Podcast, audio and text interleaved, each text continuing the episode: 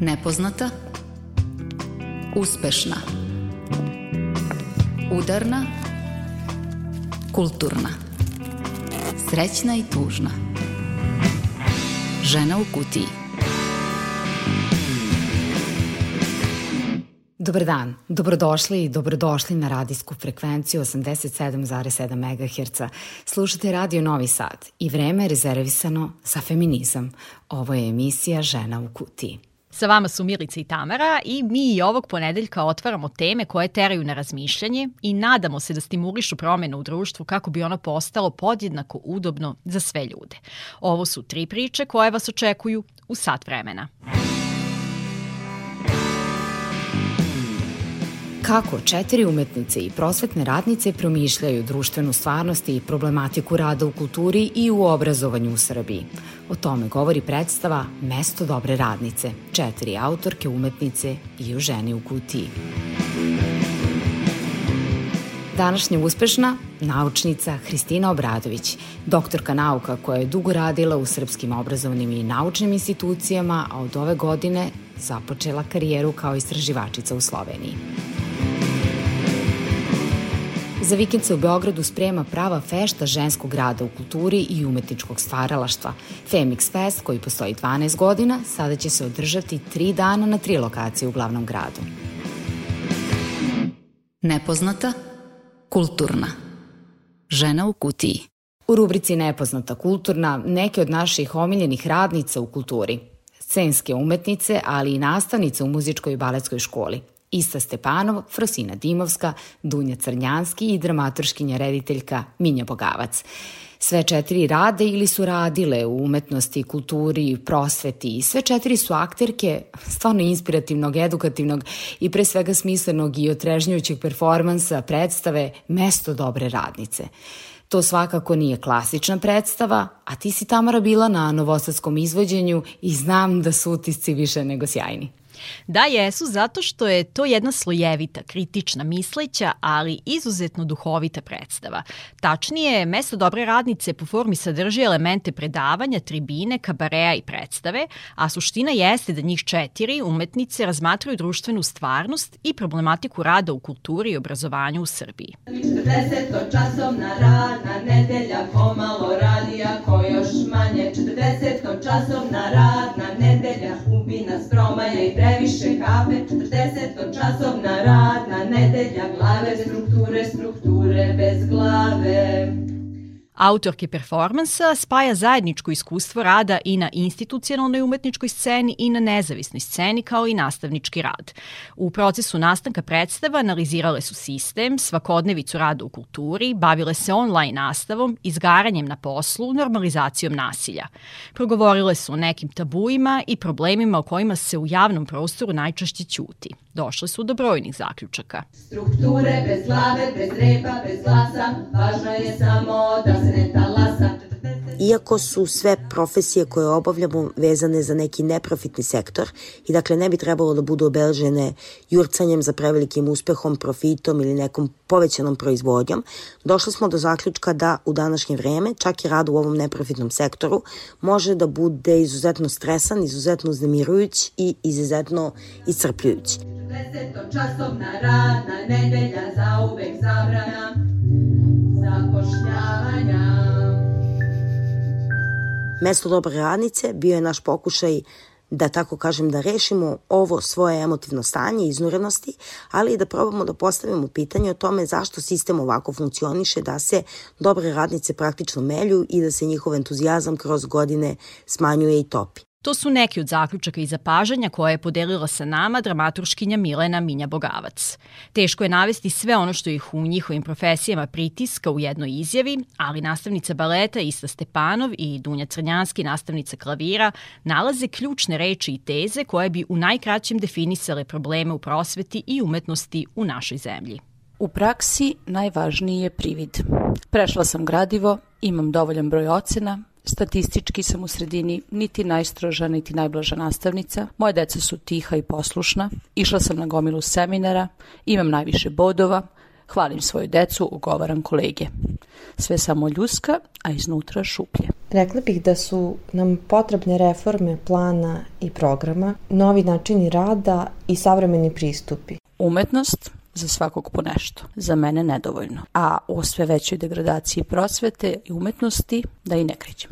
Po reakcijama na mesto dobre radnice čini mi se da je problematika s kojom se susrećemo svima jako bliska i poznata, prepoznata i zaista je ovo široka tema koja zaslužuje mnogo vremena, dijaloga, maštanja, razmišljanja, ali i konkretnih akcija i verujem da bi udruženi pojedinci i kolektivi koji već neguju e, nekakve eksperimentalne i savremene prakse zajedno mogli da doprinesu ovim promenama čini se svima preko potrebnim. Došli smo do zaključka da je prosveta najveći sistem u društvu i da se može reći da prosveta možda i jeste ono što zovemo sistemom, jer je to apsolutno deo sistema kojim je obuhvaćen najveći deo svih građana i građanki naše zemlje.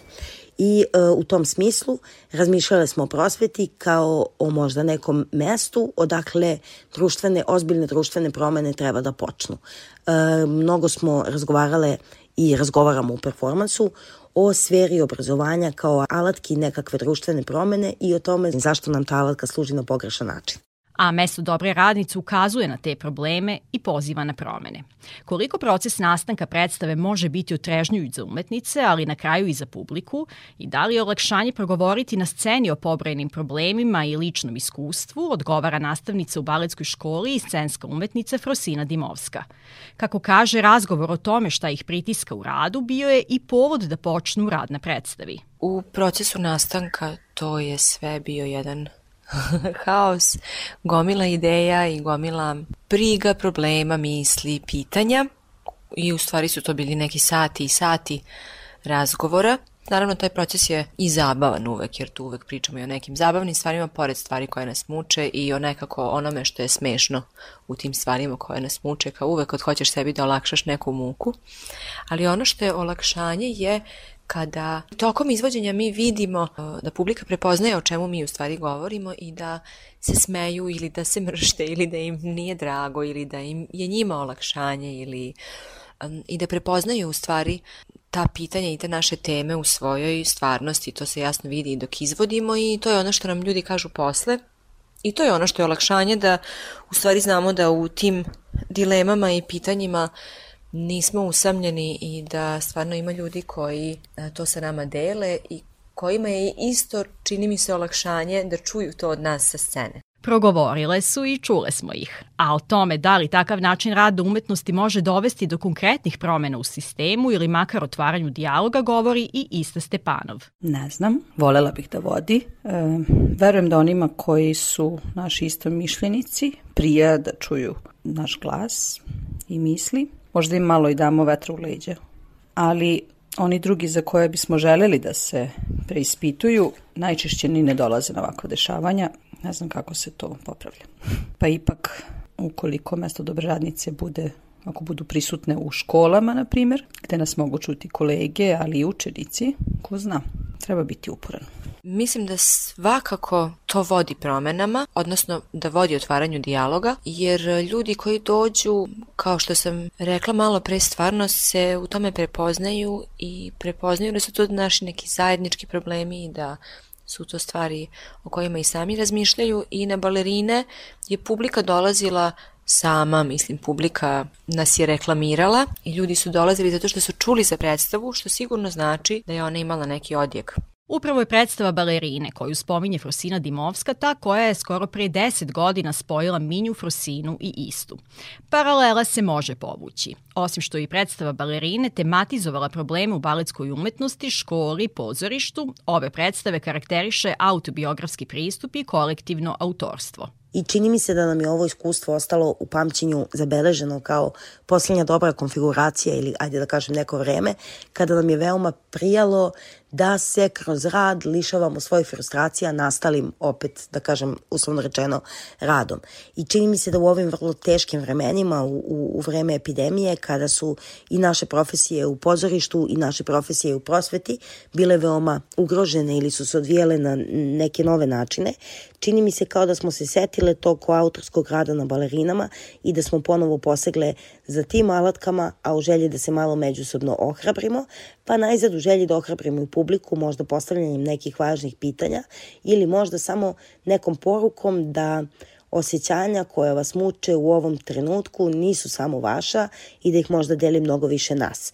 To uvek može da bude dobar početak za rešavanje nekog problema, a u ovom slučaju problem je vrlo loša organizacija rada u javnom sektoru. Ista Stepanov i Frosina Dimovska kažu da su imale sreću da sarađuju sa Minjom Bogavac i tada kao scenske umetnice i danas kao nastavnice baleta i prosvetne radnice. Zapravo i Minja jeste u ovom projektu zato što i ona prepoznaje te teme i ja bih rekla da njen čitav umetnički rad i rad u edukaciji mladih jeste zapravo nešto što na najbolji način vodi promenama. I Minja to tako fantastično, te sve naše razgovore i silna pitanja ume da sroči, posloži, uobliči i dramatizuje, tako da je to ljudima vrlo jasno, ali i vrlo lako da čuju. Sa njom sve tako lagano ide, bez nekog pritiska i kroz druženje, a Minja samo kucka, sluša i sme se i samo ti šibre taj tekst, fantastično skrojen, koji ugradi i sebe i sve nas uplete i onda čitaš svoje misli, ali ti se čine toliko snažnije i smislenije i duhovitije, naravno. I mislim da u stvari je i važan taj način na koji je to uobličeno i da ta nekako lakoća u izlaganju tih teških tema isto pomaže ljudima da se nekako prepoznaju i da pomisle možda, kao što je Minja rekla u jednom intervju, hej, pa ovo je važno i ovo i mene isto zanima i želim možda da nešto učinim, da promenim. 40 časovna rana, nedelja, pomalo manje... I pijaniskinji Dunji Crnjanski je kolektivno autorstvo omiljeni princip stvaranja i, kako kaže u toku nastajanja mesta dobre radnice, trudile su se da neguju dijalog, razumevanje, međusobnu podršku i solidarnost. I to su sve principi e, koje se trudimo da primenjujemo kako u radu i tako i u životu stalno i da ih stalno vežbamo. I mislim da je jako izazovno, naročito u nekim uslovima koji su prilično kompleksni, pričamo o uslovima rada, ali mislim takođe i da kroz ovaj rad i kroz naše saradnje, druge saradnje na nezavisnoj sceni dokazujemo da je moguće, moguće raditi po ovim principima i moguće je negovati ih. Da, mesto dobre radnice je apsolutno nastalo iz naše potrebe da jedne drugima budemo grupa za samo pomoć i podršku i da napravimo radni proces koji će uvek biti više lep nego težak. E, malo smo i eksperimentisale s time što smo pokušavale da radimo bez pritiska i tako što ćemo uvek biti tu jedna za drugu i nećemo zamerati jedne drugima ukoliko nas naravno druge radne obaveze odvuku od ovog rada. Kolektivno autorstvo i solidarnost koje spominjemo jesu feministički principi. Mesto dobre radnice prenosi feminističke stavove na vrlo prijemčiv način. O tome govori dramaturškinja i rediteljka Minja Bogavac. Feministički stavovi se podrazumevaju uvek kada žene govore o radu i o svojim profesijama, to i jeste tema performansa Mesto dobre radnice. Takođe, feministički stavovi ili stavovi o rodnoj ravnopravnosti jesu neki od stavova kojima se trudimo da podučavamo svoje učenike i učenice, čak i kada to nije u programu i e, negde nismo imale za cilj da napravimo predstavu koja će agitovati za neke feminističke ideje, koliko su one dolazile, da kažem, prirodno kroz sam sadržaj našeg rada i same naše stavove. Iako se kaže boji da će zvučati pesimistično, koreografkinja Isa Stepanovi mišljenja da u našem društvu feministički stavovi nažalost ne mogu svima biti prihvatljivi. Ipak misli da je važno da se o tome priča često i bez suzdržavanja. I onda sad neki će uguglati i prihvatiti, i to je najbolje što možemo da očekujemo od njih. E, neki drugi će o tome početi drugačije da razmišljaju, treći će se možda čak i boriti za neke stavove, ali u svakom slučaju neće više biti strano i čudno. I onda čim se ljudi manje plaše, čim je nešto poznato, prihvata se. U svakom slučaju mislim da treba raditi na razbijanju predrasuda i što nas više o nekoj temi slobodno govori, to će i drugima onda da se čini kao normalno i prihvatljivo. ja volim da kažem da feminizam nisu cipele koje obučeš za ovaj ili onaj performans, već su noge u kojima nekako hodaš i posmatraš svet. Tako da ovaj performans jeste feministički performans, ali da kažem više je možda feminizam u samoj temi nego u ideji. Ideja o kojoj govorimo je plemenita, pre svega humana ideja To je ideja o boljem sistemu vrednosti na kojima se zasniva obrazovni sistem ili onaj drugi sistem kulture i umetnosti koji je takođe je li tu da kreira neki naš identitet, kolektivno sećanje ili odnos prema zajednici. Humor pomaže i ja se trudim, zaista se trudim da sa svima iz svog okruženja i sa učenicima i sa svojim porodicom i sa onima za koje znam da ne misle isto kao ja, trudim se da ne izbegavam teme iz pristojnosti. To sam ranije u životu radila, jer kao Bože, uvredit ću ih ili oni ne razmišljaju tako, pa je možda nepristojno uopšte pričati o nečemu. To više ne želim da radim. Nemam problem da raspravljam stvari i nemam problem da branim svoje stavove. Često i izazivam takve razgovore gde, gde i druge moraš da nateraš da misle malo o tome što govore, da uopšte da preispituju svoje misli, da ih ne recituju kao naučene iz života, jel, nego da zaista razmisle da li zaista tako misle. Skuvam kafu i podignem noge, stigla sam kući čim zaklopim laptop, idem na proteste i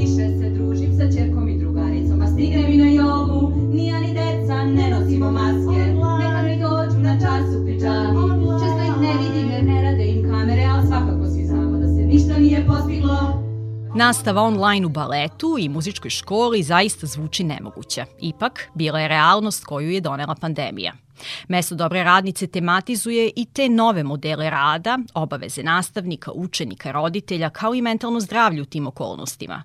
O svom iskustvu sa nastavom na daljinu govore Frosina, Dunja i Ista. Sva online nastava, naročito u umetničkim školama, je za mene jedna potpuna katastrofa za decu je bila isto, isto tako.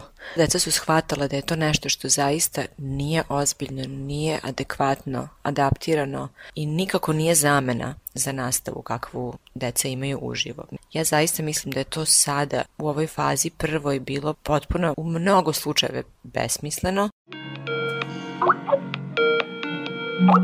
Tokom online nastave najteže bilo je održati elan, koncentraciju i inspiraciju. I zaista u, u tim neuslovima bilo je veoma, veoma teško. Meni je najteže palo, ništa praktično, tu sam se snalazila kao i svi drugi, ne previše uspešno, ali mi je teško padalo prihvatanje da neću postići sve ono što sam očekivala od sebe tom trenutku i od svojih đaka i bilo mi je takođe teško da prihvatim da ne moram da naučim, da nešto ne moram.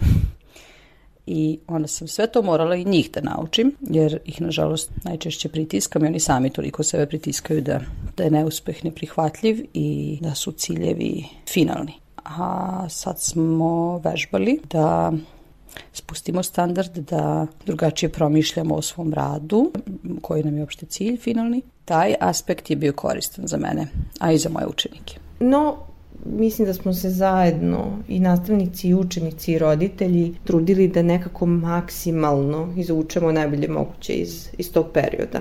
Ja sam to tako shvatila kao evo možda nekima je lakše da imaju ideju da će se jednom škola vratiti, pa smo zato to radili. U našem poslu zapravo stalno se teraš da sve kontrolišeš i da sve, da sve možeš i sve moraš. Sada to je bilo potpuno nemoguće. Niti su naše škole imale takve računare i takav internet i takvu opremu da bismo mi mogli da snimamo neke live časove, niti su deca bila u situaciji da u porodicama gde je puno školske dece ili puno dece uopšte puno ukućana na malom prostoru, na nekim vikendicama gde nema interneta, to, da uopšte bilo šta sprovedu od onoga što smo mi već prilagođeno tražili, da ne kažem da to nije nigde ni blizu bilo kakvom sprovođenju plana i programa. To je potpuno bilo nemoguće.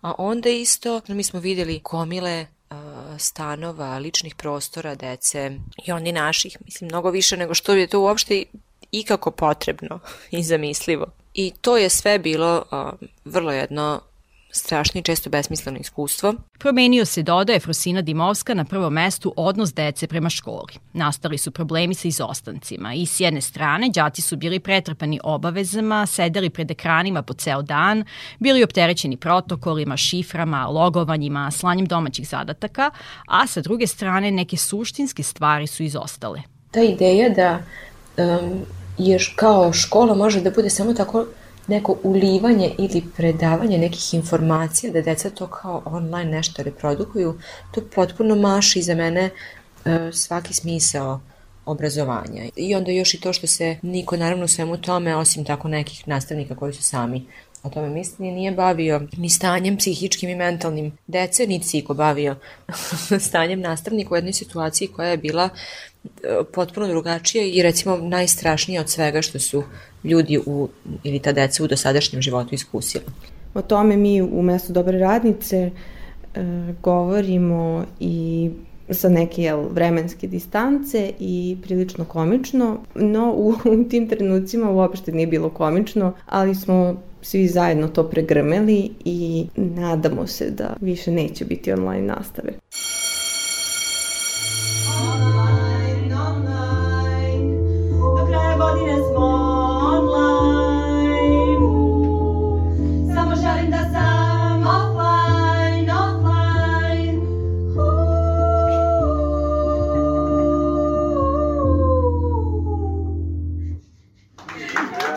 Autorke su predstavi Mesto dobre radnice otvorile i tabu teme kao što su seksualno nasilje, uznemiravanje, ali i teror tišine u umetničkim školama. Psss. I radi i vežbaj tišina, tišina, i radi i vežbaj tišina, tišina. Muzika vrlo originalno dočarava i upotpunjuje njihovu priču. Dunja Crnjanski, koja se bavi eksperimentalnom muzikom i predaje klavir u muzičkoj školi, objašnjava nastanak tog segmenta predstave. Songovi za mesto dobre radnice e, nastajali su zapravo pre nego ideja o samom performansu. E, pisala sam ih, neke od njih, čak i pre nekoliko godina i u momentima kada mi je bilo teško, kada sam bila frustrirana situacijom na poslu, u kulturi i u okruženju. I slala sam ih e, Mini, Frosini i Isti i kroz nekakav spontani njihov odgovor i na taj način smo se odvažile uopšte da krenemo um, u sve ovo. Dakle, songovi su bili neka vrsta pokretača. Ne brbljaj, samo radi. I kada je ideja zaživela i kada smo počele da radimo na mestu dobre radnice, e, tada smo videle koje songove već imamo, šta eventualno treba menjati, napisati. Teme su se neke nove javljale, devojke su pisale tekstove, nove, neke smo pisale zajedno. U celom tom procesu smo se mnogo zabavljale. Mislim da nam je taj muzički segment veoma bio inspirativan. Šaki u školi gde nema zvona, važno je samo da bude tišina. Tišina na času, tiho tišina.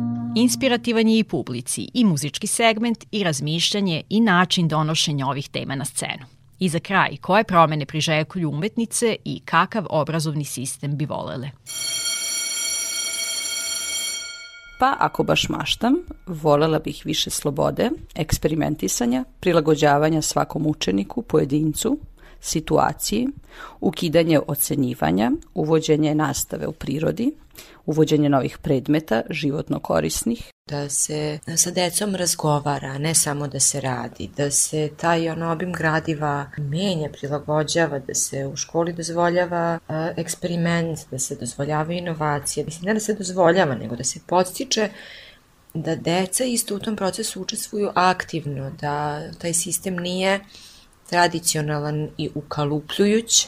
Manje birokratije, više razgovora, više umetnosti, mogućnost poseta institucijama, razmenama, putovanjima. Bismo želeli svakako obrazovni sistem koji omogućava deci da zaista u tom društvu kad odrastu rade to što žele, da mogu i da menjaju zanimanje. Mislim, jedan mobilan, eksperimentalan, zanimljiv obrazovni sistem u kom, koji stvarno postiče učenje kod svih. Volela bih da decu učimo da se informišu, da razvijaju kritičko mišljenje, da se interesuju za životnu sredinu, za svoje zdravlje, da ih učimo empatiji, ljudskim pravima. Obrazovni sistem koji nas uči da mislimo svojom glavom, da menjamo stvari, da cenimo i poštujemo druge i sebe. I volela bih da se pažljivije bira i da se na pravi način procenjuje i proverava ko radi sa decom u školama. To je toliko važno. Šta se deci govori, koja se poruka šalje. Da, onda sistem koji vrednuje odmor i podršku i neke kao vrednosti osnovne koje su potrebne za život, neke kao konkretne veštine, a ne pripremanje dece, mladih za nekakvo tržište koje i ne postoji, sa idejom da su tu oni neki pioni koji nešto kao izvršavaju neku svoju funkciju. Obrazovni sistem u kom vežbamo solidarnost i negujemo praktična znanja, u kom ne postoji pozicija autoriteta znanja koja se ne preispituje. Kako god da kažem, čini mi se da previše pojednostavljujem, ali kao voljela bih da stvarno škola bude neko mesto koje je uzbudljivo, zanimljivo i koje postiče na radoznalost i gde nekako svi imamo osjećaj da nešto dobro i lepo radimo zajedno. Verujemo u obrazovanje zasnovano na životnim veštinama to obrazovanje ne podrazumeva samo reprodukciju znanja, izvesnih podataka i reprodukciju neke umetničke tradicije, već nužno po sebi sadrži jedan eksperimentalni deo i jedan deo koji bi mlade ljude, dečake i devojčice trebalo da podučava da kako da u konkretnim situacijama u životu neko svoje znanje upotrebe. I jako važno, obrazovni sistem koji ne doprinosi normalizaciji nasilja. Verujemo da takav obrazovni sistem mora da bude zasnovan na ideji prevencije svakog vida nasilja. Verujemo da takav obrazovni sistem mora da bude zasnovan na rodnoj ravnopravnosti, ali verujemo i da takav obrazovni sistem mora da podrazumeva veća prava radnika i radnica. Za bolju budućnost teški uslovi, rezultat nije upitan, uspeh se vidi jasno. O ovom svemu govorimo u mestu Dobre radnice i iskoristila bih priliku da pozovem publiku da dođe na naše sledeće izvođenje.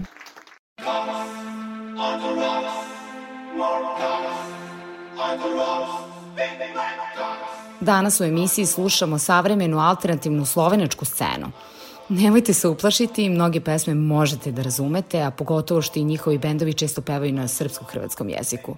Baš je takva i vodeća tema iz novog filma Prasica, Cox and Rocks grupe Ćao Portoraž.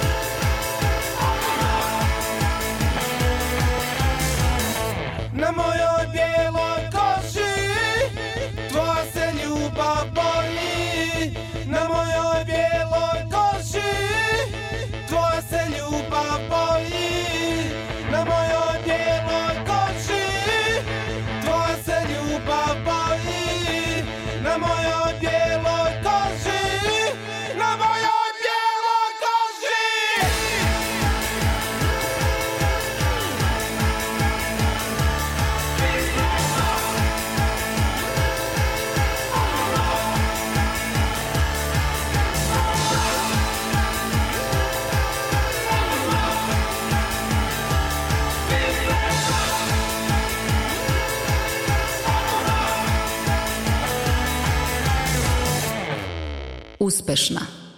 Žena u kutiji.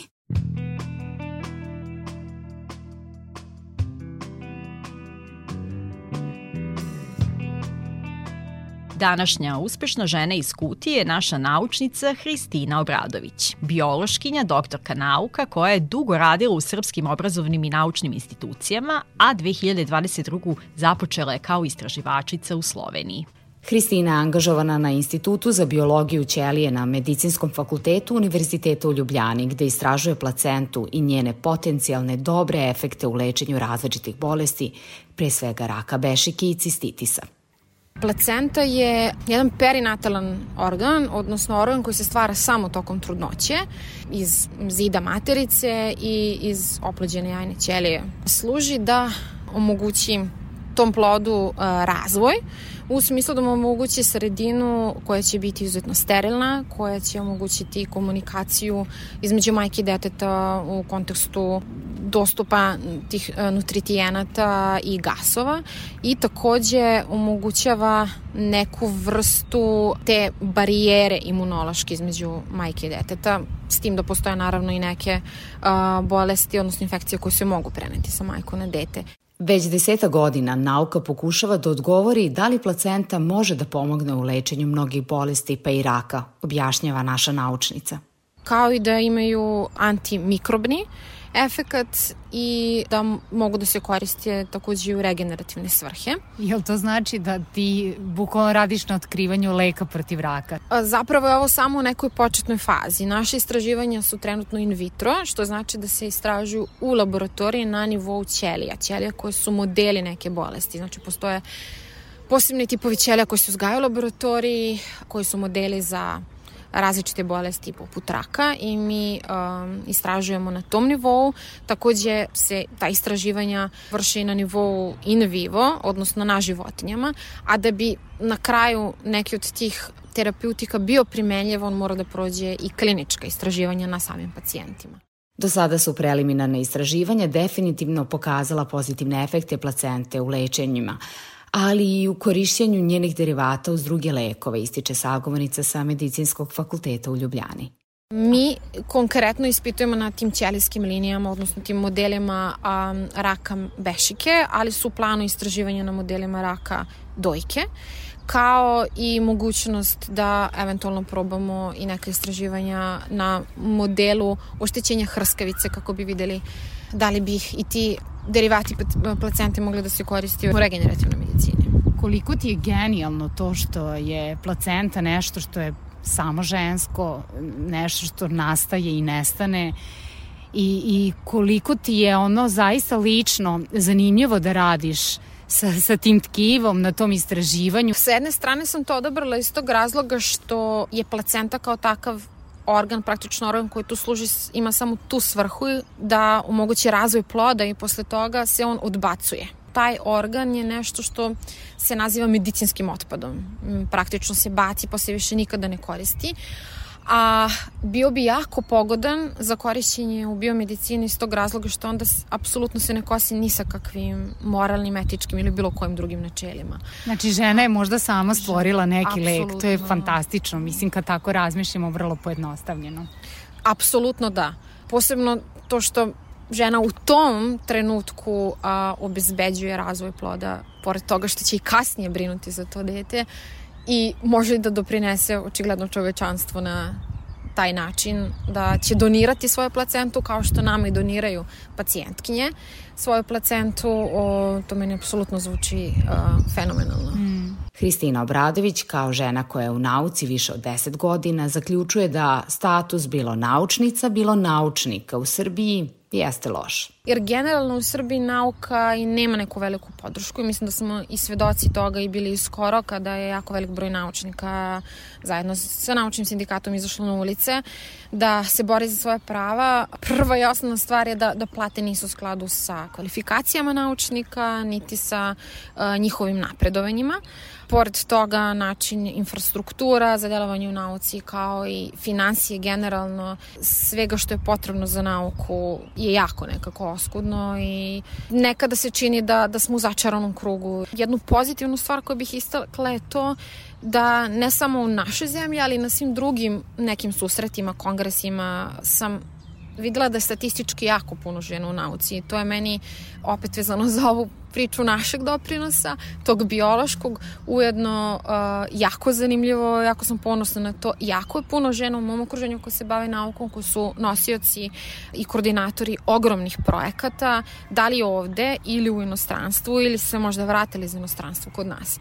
A neke um, stvari koje su meni smetale tokom rada u nauci jeste bio možda taj odnos, da bez obzira na to da su žene možda bile angažovane i kod kuće, da su majke, su mm, nekako ostajale jako dugo na poslu, pošto nauka ne pita za vreme, naravno, ukoliko eksperiment traje dugo, on traje dugo. Sa druge strane, žene u nauci, pa koje nemaju svoju porodicu, su malo bile više forsirane da rade, to jest one su izabirane kao te koje bi trebalo da ostanu možda duže preko vremeno, da završavaju pisanje projekata i da se bave tim eksperimentima koji duže traju baš zato što se one nisu ostvarile kao majke. Što se tiče bavljenja naukom u Sloveniji, utici su drugačiji i za sada je zadovoljna napretkom i poslom. Onda sam tek tri meseca, ali mi se čini da imam jako puno prostora da razvijem svoje ideje. Moje ideje su apsolutno svaki put saslušane.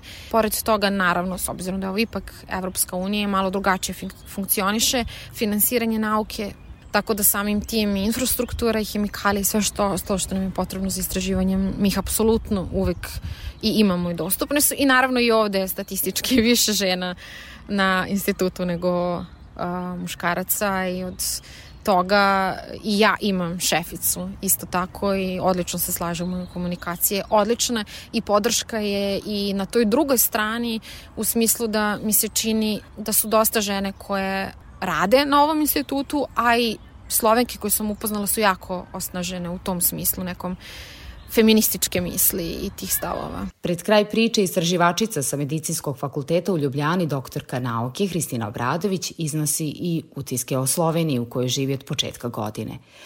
Da ne bude da se kritike iznose sama na račun sistema u sobstvenoj zemlji, Hristina ima šta da zameri i u novoj sredini, ali je mnogo toga i oduševljava. Prvo šta mi je zasmetalo je bilo zapravo na početku i dalje mi se ne sviđa taj rad njihovih državnih ustanova.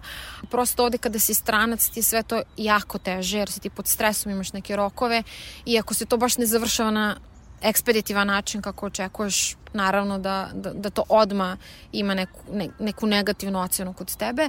Sa druge strane možda radno vreme, što tih javnih institucija državnih pa i prodavnica, ali dobro, to se možemo prilagoditi. A jako je puno pozitivnih utisaka od prevoza koji je jako dobro organizovano, u smislu da su i sami ljudi kulturni, pa tih gužvi i nema u gradskom prevozu do toga da su ulice rasterećene jer generalno ljudi jako koriste bicikle. Sada naravno ja u, to upoređam sa Beogradom u kome sam živela pre. Beograd jeste brdovit, ali mislim da ima jako puno delova gde je moguće da se obezbedi ta infrastruktura za bicikliste. Pored toga Ljubljana je na razne načine uspela da funkcioniše kao zeleni grad i da to omogući ljudima u smislu eto, tih aplikacija za iznajmljivanje bicikala koje grad Ljubljana obezbeđuje, pa do toga da je to grad gde se apsolutno reciklira svaki mogući tip materijala i to svi rade. Na svakom mestu se nalaze ti kontejneri za reciklažu, pa to sad da i neke druge pogodnosti da se može sa tom karticom za prevod reciklirati pa se dobiti karta za prevoz i slično. Jel osjećaš da je perspektivnije za tebe? Osjećam da jeste perspektivnije, generalno ne mislim samo za nauku, s obzirom sam poznala jako puno ljudi koji su ovde došli, mislim da je generalno izuzetno perspektivna Ljubljana i Slovenija generalno za mlade ljude, prosto je i način komunikacije drugačiji nego kod nas i to tržište rade drugačije, ljudi su stimulisani da rade, još od studentskih i đačkih dana oni imaju šansu da se uključe na različite poslove, tako da mislim da ne samo nauka, ali da svi drugi profili apsolutno pružaju šansu ljudima da se ostvare i da napreduju. Osim što je zelena, čista i potpuno orijentisana ka biciklistima, Ljubljana je pristupačan grad za sve osobe sa invaliditetom, za decu i to je jako upadljivo, ističe na kraju sagovornica žene u kutiji, naučnica Kristina Obradović. U muzici ostajemo na slovenačkom terenu. Naš izbor je jedan od najpoznatijih alternativnih sastava Koala Voice. Slušamo njihov postapokaliptični svet. Muzika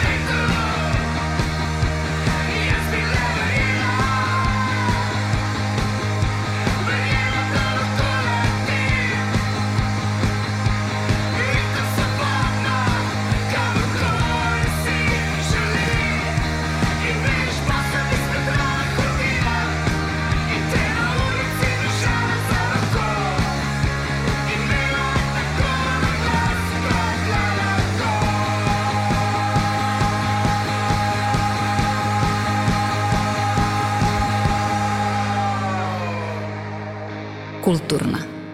Žena u kutiji. Za vikend u Beogradu se sprema prava fešta ženskog rada i stvaralaštva na tri lokacije u Kulturnom centru grada, Ustanovi kulture Parabrod i Filmskoj galeriji Kulturnog centra Beograd. Femix Fest, koji postoji već 12 godina, od petka do nedelja okupit će vizualne umetnice, muzičarke, studenkinje umetničkih fakulteta i žene zaposlene u kulturi, a sa ciljem da se o tim uslovima rada i življenja priča otvoreno, da se javno pohvali uspeh, ali i istaknu problemi.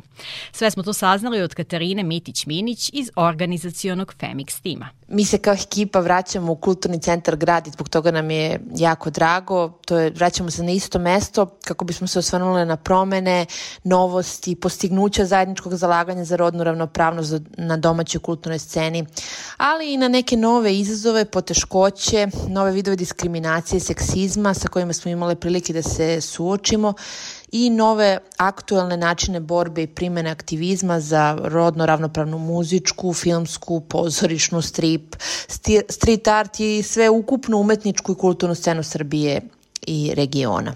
No, uprkos razgovorima i ozbiljnim temama, bit će to bez sumnje prava feministička žurka, na koju ste svi pozvani. Naša sagovornica Katarina Mitić-Minić dodaje i to kako se svake godine uvere u značaj postojanja festivala, jer mladim umetnicama predstavlja dobar vetar u leđa da nastave da rade ono što vole i umeju. Dosta raznovrsnog programa na tri lokacije, dobar deo programa se prenosi i online, te smo ubeđeni da će sigurno svako pronaći nešto zanimljivo za sebe i sa zadovoljstvom ispratiti e, sadržaj koji smo pripremili, jer bi baš bilo šteta da to ne uradite. Verujem da ćete otkriti neke nove, mlade, talentovane umetnice i upoznati se sa njihovim radom. Da ponovimo Katarinine ključne reči. Od 15. do 17. aprila dođite na Femix Fest. Upoznajte se sa tim šta i kako rade žene u kulturi i umetnosti. Program se održava na tri lokacije, a deo će se prenositi i putem društvenih mreža. U Miličino i svoje ime zahvaljujem se na slušanju. Za to danas bio zadužen Damjan Šaš. Danas u emisiji preslušavamo muziku iz slovenačkog novog filma Prsica, slavšalni izraz za žensko. Ne bismo li bolje upoznali prijateljsku kulturnu scenu, a verujemo približili je i vama. Muzika svakako ne razume granice. Završavamo zvuke slične obojenom programu. Upoznajte balans i numeru Uganka. Doviđenja.